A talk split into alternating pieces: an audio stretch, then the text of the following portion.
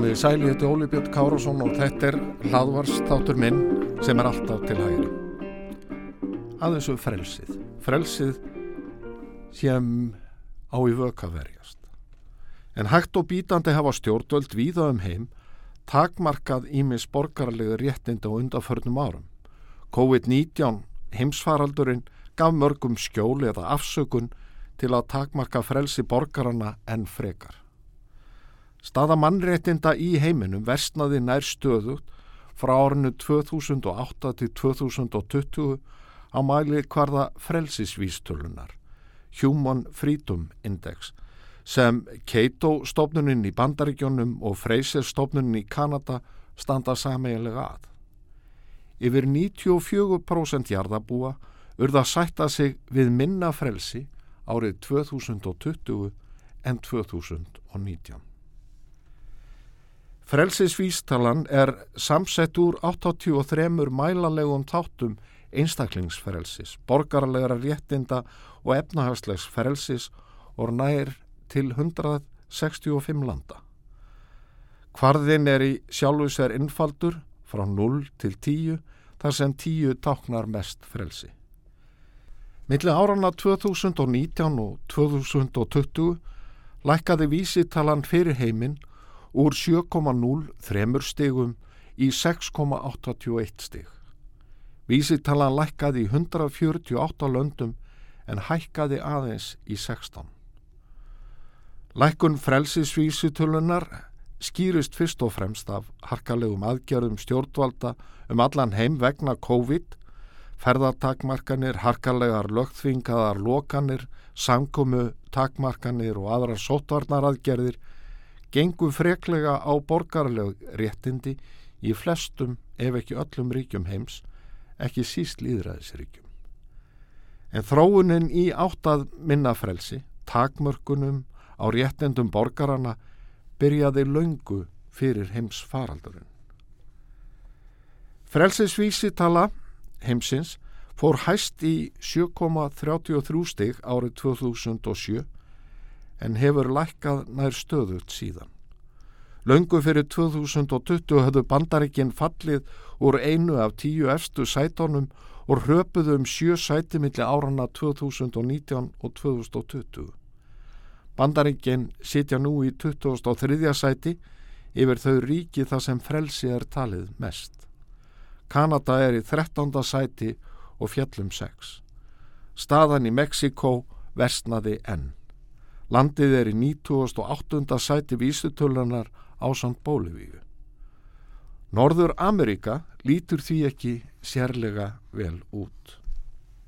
Sviss er í efsta sæti frelsis vísutölunar en þar á eftir eru Nýja Sjáland, Ísland, Danmörk, Írland, Svíþjóð, Ísland, Finnland, Holland og Luxemburg.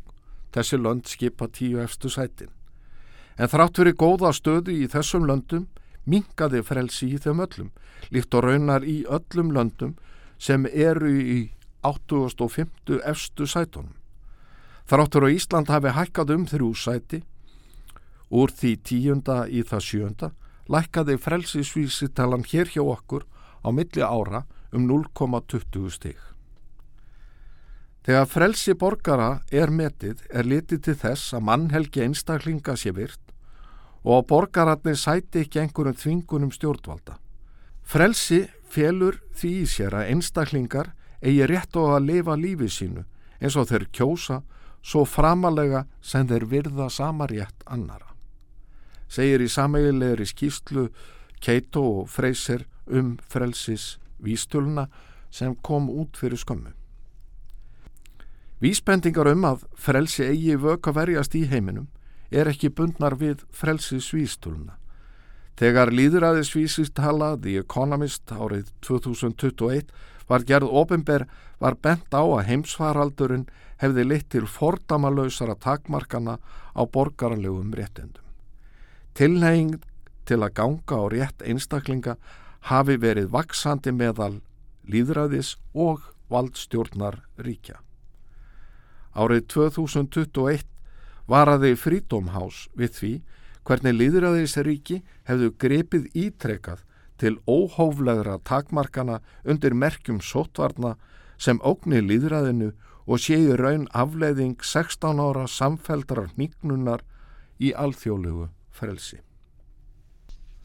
Í heimsfaraldinum sannaðist enn einu sinni að frelsið verður yfirleitt fyrsta fórnalamp óttans og um leið hverfur umburðalindi gagvart ólíkum skoðunum. Gaggrínin umræðum aðgerði stjórnvalda átti erfitt uppdráttar. Leiknir sem lærðir veiguröðu sér við að spyrna við fótum og spyrja alvarlegra en nöðsynlegra spurninga það sem óskað var eftir raukstunningi fyrir því hvers vegna frelsi einstaklinga var takmarkað og hvort of langt sé gengið. Þeir var að mætta fullkominu hörku, jamt hér á landi sem annar staðar. Á þetta hef ég bent ítrekkað áður meðal annars hér í þessum hlaðvastætti. Þegar að frjálsir einstaklingar hlýða aðtúa semta löst og án gaggrinni fyrirmælum stjórnvalda sem takmarka borgarlegu réttindi er leiðin mörguð til aukinar forræðisíkju. Jarðvegur, valdstjórnar, verður til þar sem flestu er viðkemur mannlegri hegðun er stjórnað með reglugjörðum og tilskipunum. Ian Vasquez, einn höfunda frelsisvísutölunar, segir að tímin eitt leiði í ljós hvernig við endurheimtum glatað frelsi eftir heimsfaraldurinn. Þegar íbúar líðræðisríkja endurheimta frelsi eftir harðar sótvarnaraðgerðir séu óvist hvernig íbúum valdstjórnaríkja vegni. Alþjóðlegur ójöfnuður frelsis gæti því aukist á komandi árum. Vasku S. bendir á að í þeim tíu löndum, það sem frelsi hefur mingað mest frá árinu 2008, séu allræðis og innræðistjórnir á völdum í Sýrlandi, Nikoraka, Ungverjalandi, Egiptalandi, Venezuela, Tyrklandi, El Salvador, Burundi, Bahrein og Hong Kong. Mískipting Frelsis í heiminum er því miður staðrend.